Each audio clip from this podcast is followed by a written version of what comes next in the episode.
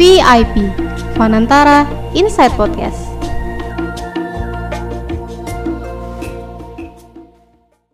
Hai VIPers, apa kabarnya nih? Semoga selalu dalam keadaan sehat ya. Kembali lagi di Fanantara Inside Podcast bersama aku, Michelle. Wah, nggak terasa nih VIPers. Sekarang kita udah memasuki bulan Januari, eh, bulan Februari. Aduh, masih ingat bulan Januari, jadi masih agak kaku gitu ya. Maklum nih, baru memasuki awal bulan, jadi masih bingung sama bulannya. Cepat banget ya waktu berlalu. Katanya kalau waktu cepat berjalan, tandanya kita menikmatinya. Walaupun kita masih di tengah-tengah situasi pandemi, mudah-mudahan VIPers tetap enjoy dan semangat nih dalam menjalani tahun 2021 ini. Seperti biasa, Fanantara Insight Podcast selalu menghadirkan topik-topik yang menarik untuk menemani kalian dalam menjalani aktivitas sehari-hari.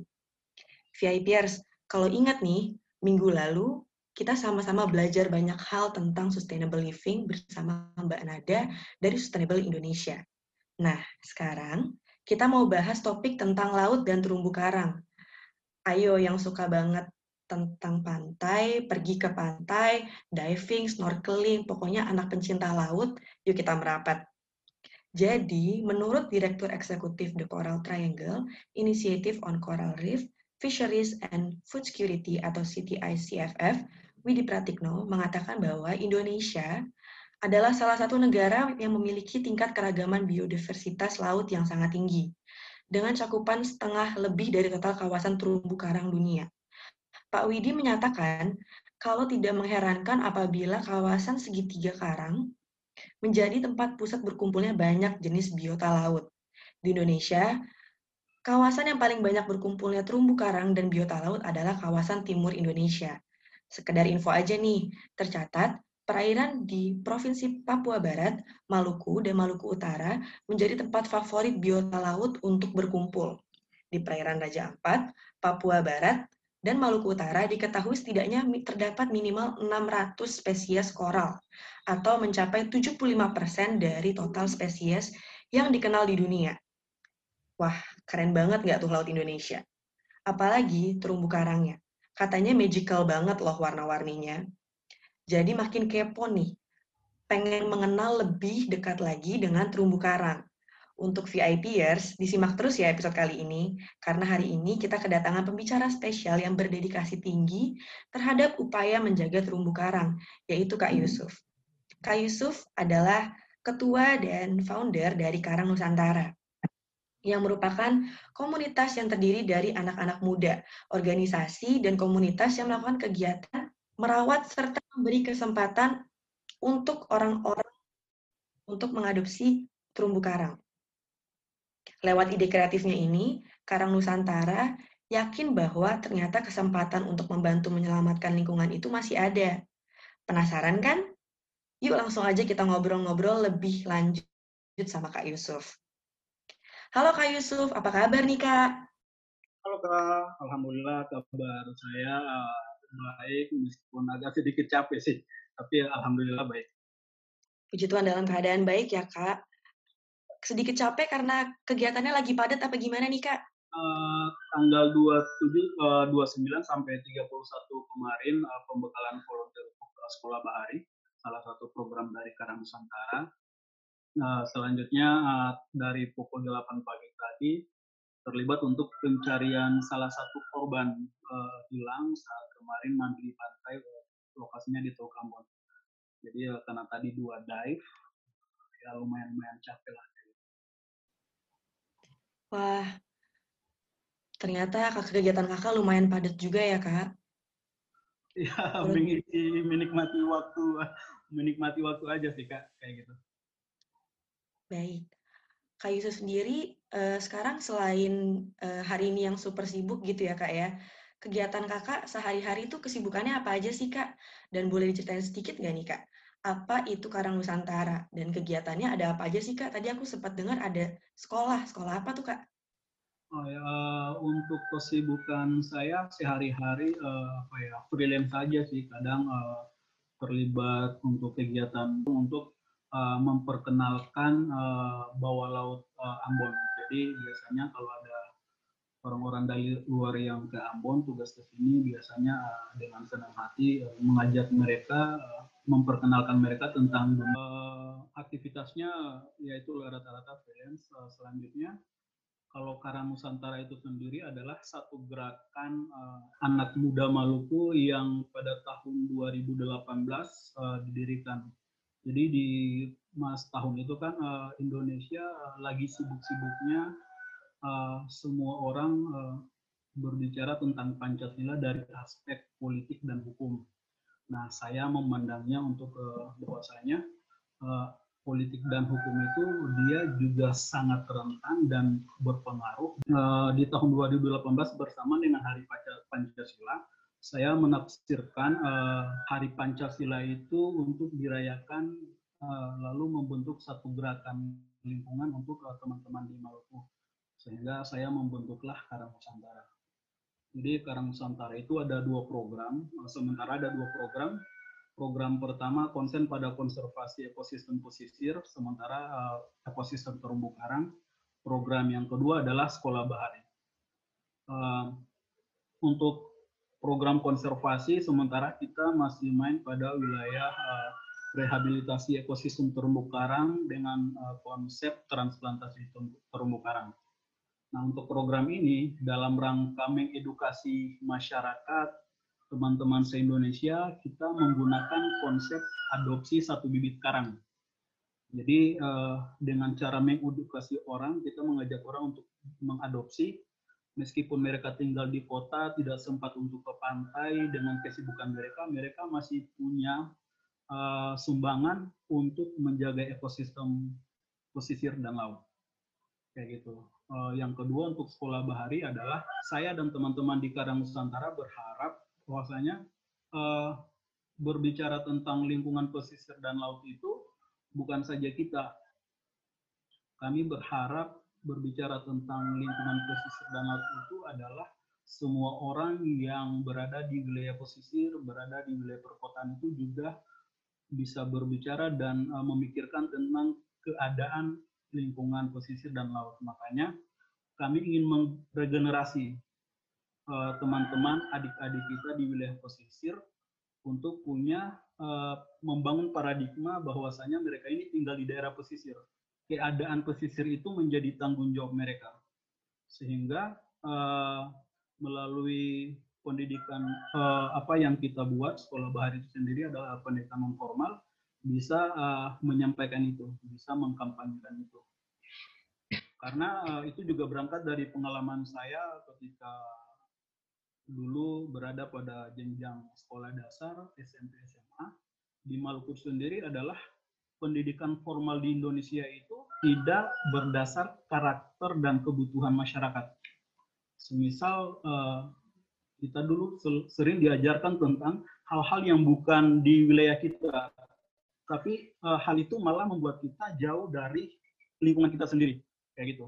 Akhirnya kecintaan kita terhadap lingkungan itu lingkungan pesisir itu malah meredup. Kita malah bisa dipastikan masyarakat pesisir itu tidak tahu tentang apa yang akan terjadi jika terjadi kerusakan ekosistem pesisir kayak gitu makanya kita bentuk sekolah bahari sebagai uh, pendidikan non formal untuk mengkampanyekan lingkungan pesisir dan laut. Selain itu kita juga uh, aksi nyata untuk uh, melestarikan ekosistem terumbu karang. Kurang lebih seperti itu, Kak. Wah, menarik banget kan ya VIPers kegiatannya Kak Yusuf gitu ya. Ternyata selain ada kegiatan untuk konservasi alam, Kak Yusuf juga ada tergabung di kegiatan politik gitu. Tapi kita garis besari di kegiatan Karang Nusantaranya nih. Ada uh, kegiatan untuk bagaimana melestarikan eh, karang-karang di bawah laut dan juga sekolah bahari. Tapi uh, saya juga setuju banget nih Kak Michelle, setuju banget kalau memang kita di sekolah kadang memang diajarkan sama hal-hal yang mungkin bukan hal-hal yang biasa gitu. Kayak tadi kakak bilang diajarin tentang uh, tanaman-tanaman tentang uh, petani segala macam. Padahal kita tinggalnya di pesisir gitu. Atau mungkin kita tinggal tinggalnya di gunung-gunung tapi diajarin tentang pesisir gitu. Tapi di sini Karang Nusantara mengajarkan anak-anak pesisir untuk mengetahui nih loh kalian tinggal di pesisir. Tapi keren banget sih Kak Yusuf. Nah terus nih Kak boleh nggak jelasin ke kita sebenarnya keadaan terumbu karang di Indonesia sekarang itu tuh gimana sih Kak? Masih cantik seperti yang dibicarakan orang-orang atau udah nggak terurus nih Kak? Ya, uh, jadi kalau berbicara terumbu karang itu kan uh, Indonesia itu terletak pada uh, daerah uh, segitiga terumbu karang. Kalau data yang tadi saya sampaikan, uh, data terakhir Lembaga Ilmu Pengetahuan Indonesia sebagai uh, badan resmi milik negara yang uh, konsen juga pada ekosistem terumbu karang itu uh, merilis data terakhir uh, secara umum di Indonesia ekosistem terumbu karang itu dalam keadaan baik. Meskipun uh, jika dihitung dari tahun-tahun sebelumnya di bawah 2018 terjadi penurunan. Nah, penurunan itu disebabkan karena faktor internal dan eksternal uh, faktor internal dan eksternal. Jadi untuk uh, pengambilan data uh, LIPI itu sebanyak 386 site. Itu pengambilan datanya uh, dengan kategorinya 36 36,18 persen dalam kategori cukup, 34,3 persen kategori baik, dan 22,96 persen eh, kategori sangat baik. Cuman uh, berbicara ekosistem terumbu karang kan kita tidak hanya berbicara terumbu karangnya saja, kita juga berbicara uh, tentang biota yang uh, berada pada ekosistem itu sendiri. Kira-kira kayak gitu kalau pertanyaan terumbu karang masih bagus, uh, saya masih pastikan uh, dalam keadaan masih bagus lah, meskipun terjadi penurunan. Tapi kan uh, mengkampanyekan ekosistem terumbu karang itu kan uh, selain ekosistemnya, kita juga berbicara tentang biota lain selain ekosistem itu. Salah satunya adalah ikan karang. Kalau pengamatan saya selama uh, melakukan penyelaman, misalkan terjadi uh, apa uh, semacam ketidaksesuaian antara uh, terumbu karang dengan uh, sumber daya yang ada pada ekosistem itu sendiri ya. Semisal banyak sekali beberapa jenis ikan yang mulai hilang akibat dari eksploitasi manusia yang berlebihan. Jadi penangkapan yang tidak ramah lingkungan dan sebagainya. Eh, kira-kira kayak kira-kira uh, seperti itu. Jadi kalau bicara terumbu karang juga kita juga harus lihat indikator-indikator kesuburan dari karang itu sendiri kayak gitu. Kira-kira kayak gitu kak. Nah, jadi gitu tuh VIPers. Jadi seperti yang udah disampaikan oleh Kak Yusuf, dari penelitian LIPI, masih bisa dibilang masih bagus walaupun ada penurunan gitu ya Kak ya. Dan memang aspek dari yang kita nilai itu tidak hanya dari terumbu karangnya, tapi biota laut yang juga tinggal di sekelilingnya gitu ya Kak ya, yang mempengaruhi ke keasrian dan kebaikan dari terumbu karang itu sendiri. Wah, menarik banget nih. Indonesia kayaknya baik eh, kaya banget sama terumbu karangnya nih. Nah, Kak, ada info yang kami lihat dari salah satu portal berita yang menyatakan bahwa ternyata salah satu alasan kenapa kondisi terumbu karang di Indonesia mengkhawatirkan adalah karena penangkapan ikan yang tidak ramah atau juga dengan bom ikan yang akhirnya menyebabkan kerusakan alam juga seperti yang tadi kakak bilang kan ada faktor internal juga faktor eksternalnya gitu ya kak ya. Apa karena setelah melihat kenyataan tersebut di lapangan, hal ini membuat Kak Yusuf tertarik untuk fokus ke upaya pelestarian terumbu karang? Atau apa nih yang membuat kakak dan teman-teman Karang Nusantara berfokus pada isu ini, Kak? Ya, uh, jadi uh, kan data-data itu ketika berbicara tentang ekosistem terumbu karang, kerusakannya faktor eksternalnya adalah pemanfaatan yang tidak ramah lingkungan saya ingin memastikan bahwa ketika terjadi kerusakan terumbu karang disebabkan oleh aktivitas penangkapan yang tidak ramah lingkungan, masyarakat pesisir itu hampir pengaruhnya tidak terlalu besar.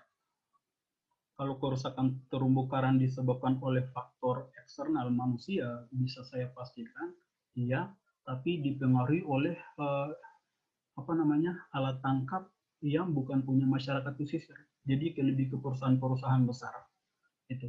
Selain itu, bukan saja disebabkan karena pemanfaatan yang tidak ramah lingkungan, tapi juga disebabkan oleh perluasan uh, daratan kayak gitu. Nah, selama ini kita masih tidak punya data yang real ter, uh, penyebab kerusakan terumbu karang. Maksud saya adalah mengklasifikasi kerusakan akibat misalkan penangkapan yang tidak ramah lingkungan, penangkapan yang tidak ramah lingkungan ini uh, kelompok yang mana kayak gitu. Sehingga akhir-akhir uh, ini kita cenderung untuk mengedukasi masyarakat pesisir di saat bersamaan masyarakat yang di kota sana yang mempunyai perusahaan-perusahaan besar itu masih tidak diedukasi, tidak ada batasan-batasan dalam pola pemanfaatan. Nah, ini yang terjadi di Indonesia. Jadi, uh, apakah karena alasan itu yang membuat kakak fokus untuk ke pelestarian terumbu karang, kak? Atau ada yang lain nih, kak, aspeknya nih, kak? Uh, salah satu alasan kenapa saya fokus di uh, sebenarnya bukan fokus di terumbu karang sih, karena uh, kita kadang menggunakan logikanya kalau kita pakai logika terbalik, sebenarnya kita akan uh, uh, ini bahwa terumbu karang itu tanpa kita jaga, tanpa kita lestarikan, sebenarnya dia mampu menjaga dan melestarikan dirinya sendiri. Begitu. Tetapi konsekuensinya adalah manusia yang akan menanggung akibatnya. Jadi sebenarnya terumbu karang itu tanpa ditransplantasi, tanpa pembuatan vis apartemen dan sebagainya, alam atau bagian terkecil terumbu karang itu mampu merawat dirinya. Yang tapi yang tadi saya bilang konsekuensinya adalah manusia. Nah, selama ini kita cenderung fokus terhadap ekosistem. Ekosistem posisi danau tidak tidak pernah fokus terhadap uh, manusianya kayak gitu. Jadi kalau yang tadi saya kembali ke tadi, kenapa saya melakukan konsep adopsi karang itu salah satunya adalah fokus kepada mindset manusia, bukan ekosistemnya kayak gitu. Jadi kita ingin merubah paradigma manusia bahwa kita sangat membutuhkan lingkungan uh, kita bagian dari ekosistem uh, lingkungan semestinya menjaga sebagai pemegang kendali terhadap keberadaan uh, bumi kita kayak gitu jadi semestinya ditata kembali cenderung berbicara tentang ekosistem tapi manusianya yang sebenarnya yang merusak kayak gitu. Makanya uh, ya dari situlah saya mengambil salah satu apa salah satu ekosistem pesisir uh, ekosistem terumbu karang karena background saya adalah penyelam kayak gitu kak. Nah jadi gitu nih VIPers alasan kenapa Kak Yusuf mau uh, membuat ini gitu ya karang karang Nusantara gitu bukan hanya untuk pelestarian terumbu karangnya tapi juga untuk memberikan edukasi untuk masyarakat gitu ya kak karena peran terpentingnya juga salah satunya adalah masyarakat gitu ya kak untuk mengerti betapa pentingnya uh, menjaga pelestarian lingkungan, pelestarian terumbu karang. Nah, ternyata kompleks juga ya Kak keadaan terumbu karang kita, nggak sehingga di permukaan aja. Kita harus dengan sungguh-sungguh merawat karang dan biota laut lainnya. Oh iya Kak, kurang lebih satu tahun yang lalu, tepatnya tanggal 3 Januari 2020, ada berita yang cukup menyedihkan nih Kak. Kapal KM Lamima Surabaya menabrak terumbu karang di perairan kawasan Pulau Banos Misool Kabupaten Raja Ampat, Provinsi Papua Barat. Kapal yang membawa sejumlah wisatawan asing itu diduga belum membayar retribusi untuk masuk destinasi wisata ke pemerintah Kabupaten Raja Ampat. Apakah pemerintah menurut kakak sudah bertindak dengan tepat? Atau apa tanggapan kakak? Apakah perlu jalur-jalur yang rawan yang dilewati oleh kapal yang bisa uh, merusak karang itu perlu di ada pembatasan ketat atau gimana nih kak? Atau kakak mungkin ada saran gak nih kak? Uh, itu adalah kapal yang mengangkut uh, sekelompok orang-orang yang berwisata. Uh, bagi saya uh, pengambilan uh, sanksi terhadap kejadian itu penting ketika berbicara tentang pariwisata, kadang kita juga mengabaikan hak-hak masyarakat pesisir untuk mengakses sumber daya alam mereka dalam rangka pemenuhan kebutuhan sehari-hari. Jadi terjadi dilema, kita mau berbicara tentang pariwisata, di saat bersamaan belum tentu menguntungkan masyarakat pesisir, dan malah mempersempit ruang hidup, mempersempit ruang akses dalam rangka uh, pemenuhan kebutuhan masyarakat pesisir itu sendiri. Dan, tapi bukan berarti saya membenarkan kejadian itu tetap harus ditindaklanjuti, tetap harus ada ganti rugi. Pernah satu kali saya uh, melakukan, ingin sedikit cerita, melakukan um, kegiatan monitoring di uh, Pulau Kasa. Saat sampai di situ, uh, masyarakat baru selesai melakukan penangkapan ikan dengan cara pengoboman. Saya tidak serta-merta langsung menyalahkan. Saya berpikir terbalik, bisa saja kegiatan ini dilakukan karena tuntutan kehidupan, pendidikan, kebutuhan uh, apa ekonomi dan sebagainya sehingga masyarakat menjadi liar. Eh, hal-hal itu kita cenderung, nah itu berhubungan dengan uh, misalkan pelestarian ekosistem terumbu karang itu sendiri. Gitu. Jadi pastinya tetap perlu ya kak ada sanksi tegas untuk uh, kejadian yang terjadi satu tahun lalu itu ya kak. Dan juga sanksi, ya, sanksi tegas yang pasti ada kemudian uh, penataan kembali jalur transportasi pelabuhan-pelabuhan tempat pariwisata di mana tempat pariwisata di mana zona untuk mengakses uh, apa zona penangkapan ikan dan sebagainya itu juga salah satu faktor mungkin. Jadi penataan kembali dan tetap harus ada sanksi. Nah benar banget tuh kak. Dan juga uh, pemerintah juga harus lebih mendekatkan diri kepada masyarakat pesisir ya kak, masyarakat-masyarakat kecil supaya lebih mengetahui apa yang ada di dalam benaknya masyarakat ya nggak sih kak, dan juga uh, pemberian jalur edukasi yang lebih baik gitu kak, agar tidak terjadi seperti ini lagi gitu kak kakak. Uh, kita baca-baca nih kak dari hasil laporan LIPI di tahun 2018, ternyata ada banyak banget penyebab kerusakan terumbu karang kita dan itu juga disebabkan oleh manusia gitu ya kak seperti yang tadi kita uh, udah bahas ada uh, pengeboman gitu ya kayak yang dibom di bawah gitu terus abis itu nanti karena mati naik ke atas gitu kan. Nah contohnya itu adalah karena rendahnya kesadaran dan pengetahuan masyarakat seperti yang tadi kakak udah bahas udah kakak mention nih. Terus juga uh, ada juga karena faktor uh, kemiskinan, keserakahan, ada kelemahan penegakan hukum, kurangnya kapasitas dan kapabilitas pengelolaan kawasan dan juga perubahan iklim, serta peningkatan pencemaran. Menurut Kak Yusuf, penting nggak sih pendekatan ke, ke generasi muda untuk mengajarkan atau memberi edukasi mengenai upaya melestarikan terumbu karang dan juga biota-biota laut, serta apa ada cara sederhana yang bisa dilakukan mulai dari lingkungan terkecil kita?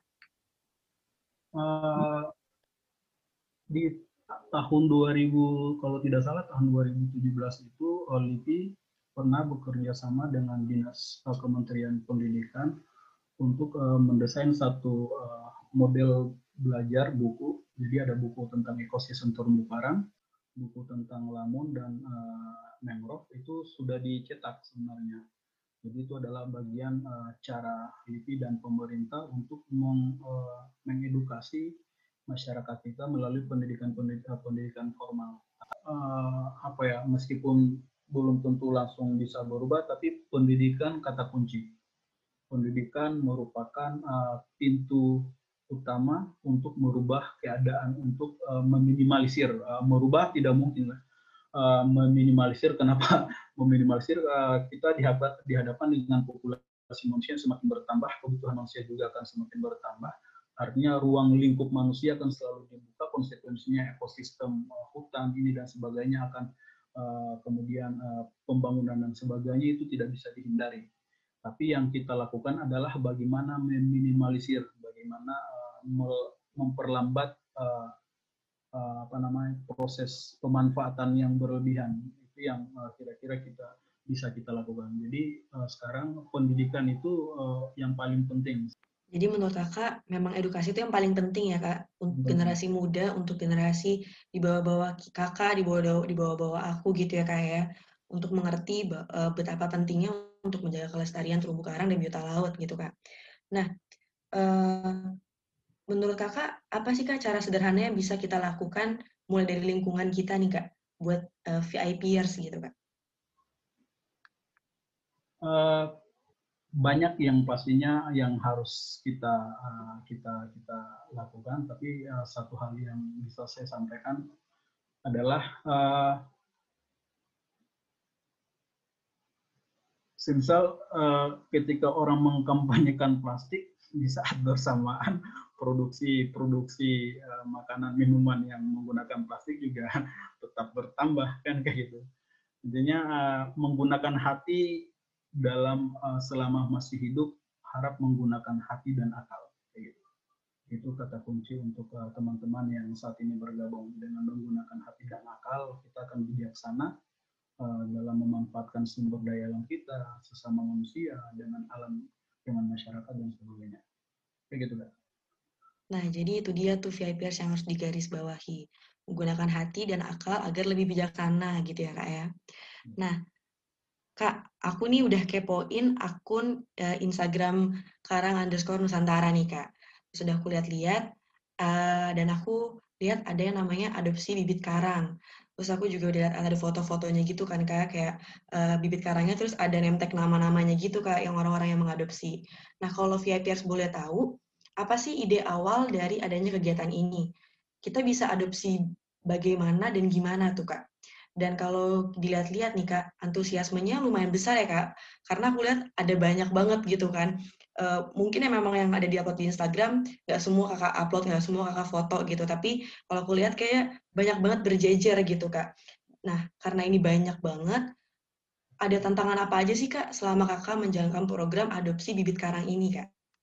Ya, jadi uh, adopsi karang itu karena yang tadi saya sampaikan ini adalah gerakan uh, dan kita uh, kita tidak mau gerakan ini hanya berputar pada teman-teman yang tergabung dalam Karang Nusantara. Kita berharap gerakan ini ada semua orang merasa memiliki meskipun tidak tergabung uh, di Karang Nusantara. Kita berharap gerakan ini semua orang bisa berpartisipasi meskipun tidak tinggal pada wilayah pesisir. Kita berharap gerakan ini semua orang bisa berpartisipasi meskipun mereka uh, pada kesibukan masing-masing. Makanya kita menggunakan pendekatan dengan uh, donasi atau adopsi satu bibit karang. Alasan yang lain adalah untuk mengedukasi. Jadi teman-teman yang awalnya tidak tahu bahwa karang itu bisa tumbuh atau tidak, dengan cara uh, adopsi karang itu kita memberikan laporan, ya ternyata mereka juga tahu, oh ternyata karang ini bisa tumbuh. Oh ternyata karang ini kerusakannya uh, disebabkan karena faktor manusia atau faktor alam Nah, uh, alasan lain adalah karena kita digerakkan yang tidak uh, apa ya, uh, yang tadi saya sampaikan uh, kita berharap mengkampanyekan uh, apa gerakan ini, makanya kita menggunakan uh, adopsi karang. Kalau partisipasi teman-teman uh, kita sebutnya sahabat karang Nusantara, Alhamdulillah dari tahun 2018 itu sudah mencapai kurang lebih 400 lebih teman-teman yang tersebar bukan saja di Indonesia tapi ada dari Jepang, dari Australia juga mengambil bagian untuk mengadopsi uh, terumbu karang. Uh, tantangan kita uh, karena kita masih apa ya kelengkapan alat scuba kita tidak punya, jadi masih sewa. Uh, kemudian perubahan cuaca yang kadang tidak menentu itu juga menjadi uh, apa nama uh, hambatan untuk kegiatan kita kayak gitu. Nah, uh, jadi dengan adopsi karang itu yang ingin saya sampaikan kepada teman-teman, bukan saja karang yang ketika mengadopsi satu bibit karang, investasi untuk satu bibit karang itu bukan saja ekosistem terumbu karangnya, kita juga membagi berapa persen dari biaya yang teman-teman adopsi itu untuk kegiatan sekolah bahari. Jadi dengan adopsi itu ekosistem terumbu karang dilestarikan, uh, membangun generasi Indonesia untuk uh, apa nama uh, punya cara pandang yang sama uh, bagaimana uh, melihat uh, cinta terhadap lingkungan juga kita bisa tercapai karena kita ambil berapa persen dari setiap adopsi uh, biaya yang di, di, di, di apa didonasikan untuk uh, satu bibit. Kira-kira kayak gitu, Kak. Nah, jadi gitu tuh uh, VIPR. Siapa tahu ada VIPR yang mau jadi sahabat karang gitu ya, masuk yeah. ke empat antara 400 atau bahkan sekarang udah mau nyampe 500 gitu ya. Mungkin bisa langsung cek Instagramnya Karang Nusantara ya, Kak?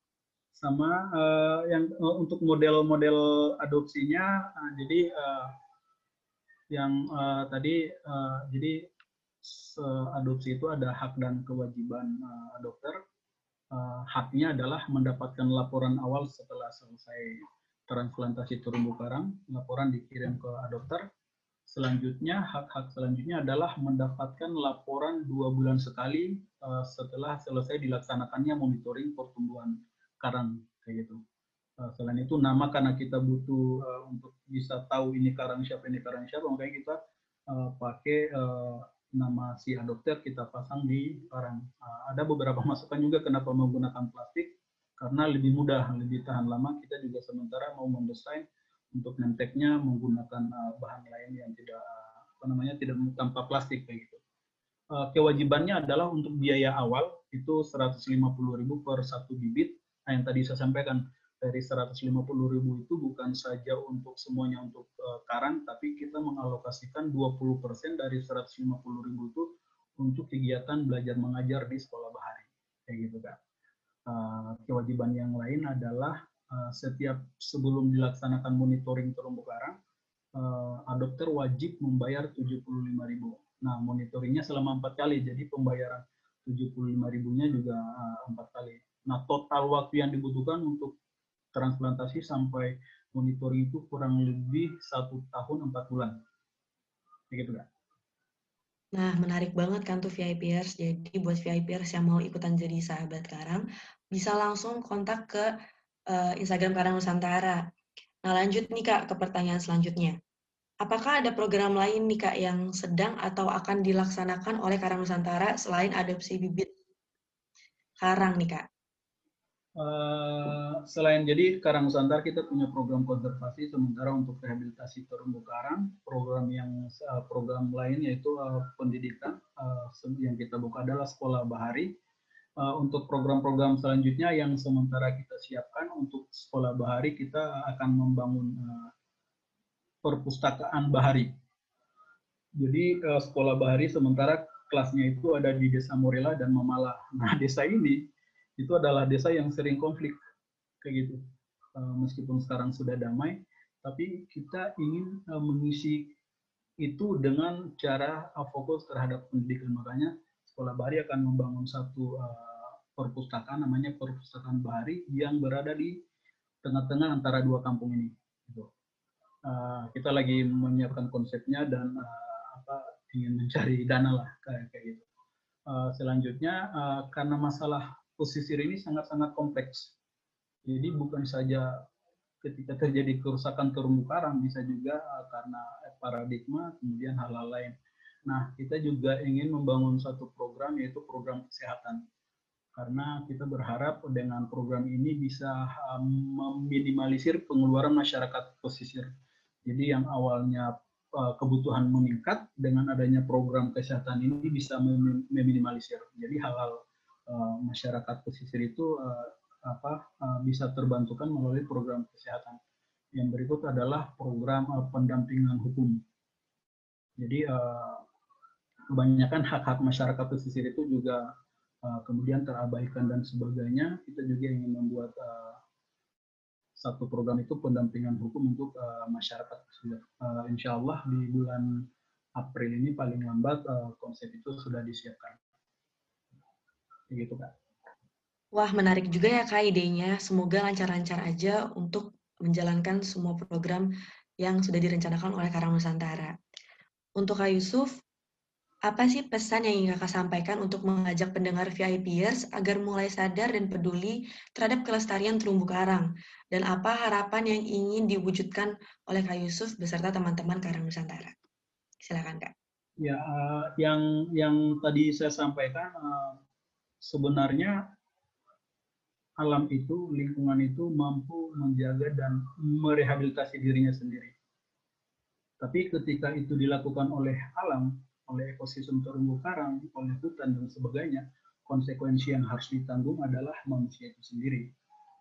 Nah, untuk menghindari hal itu, ketika terjadi uh, menghindari hal itu, maka uh, manusia sebagai pemegang kendali uh, alam ini uh, maksudnya yang ya, ya, ya, yang menjalankan sebagai uh, kalau semisal di kepercayaan uh, kita di Islam sebagai khalifah uh, semestinya menggunakan akal dan hati untuk bagaimana memanfaatkan sumber daya yang ada. Karena hidup ini terus berputar uh, masih ada generasi-generasi selanjutnya yang akan lahir kembali. Kayak gitu. Jadi uh, tidak serakah uh, tidak berlebihan, tidak rakus dan sebagainya.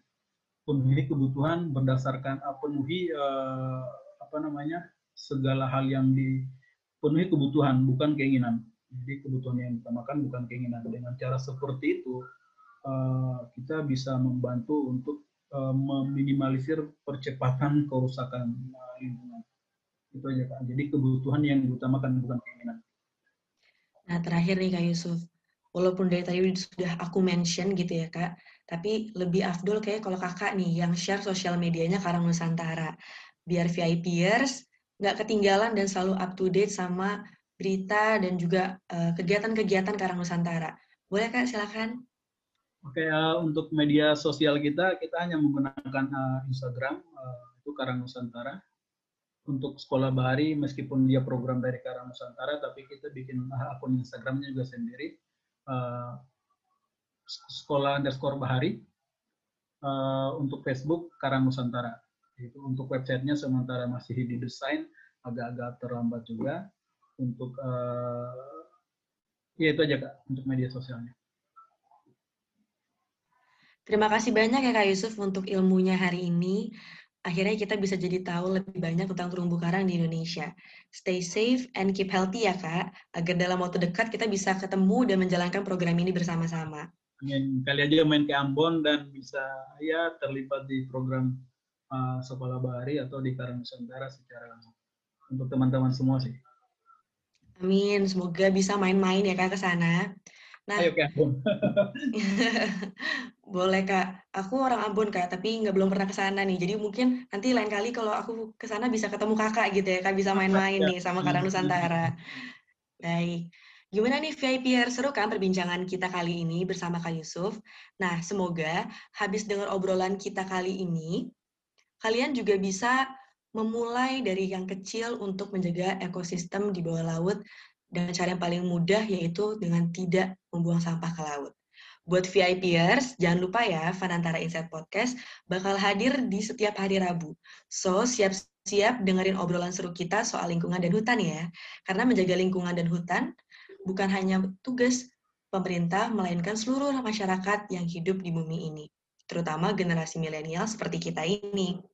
Oke deh, sampai di sini dulu ya episode VIP hari ini.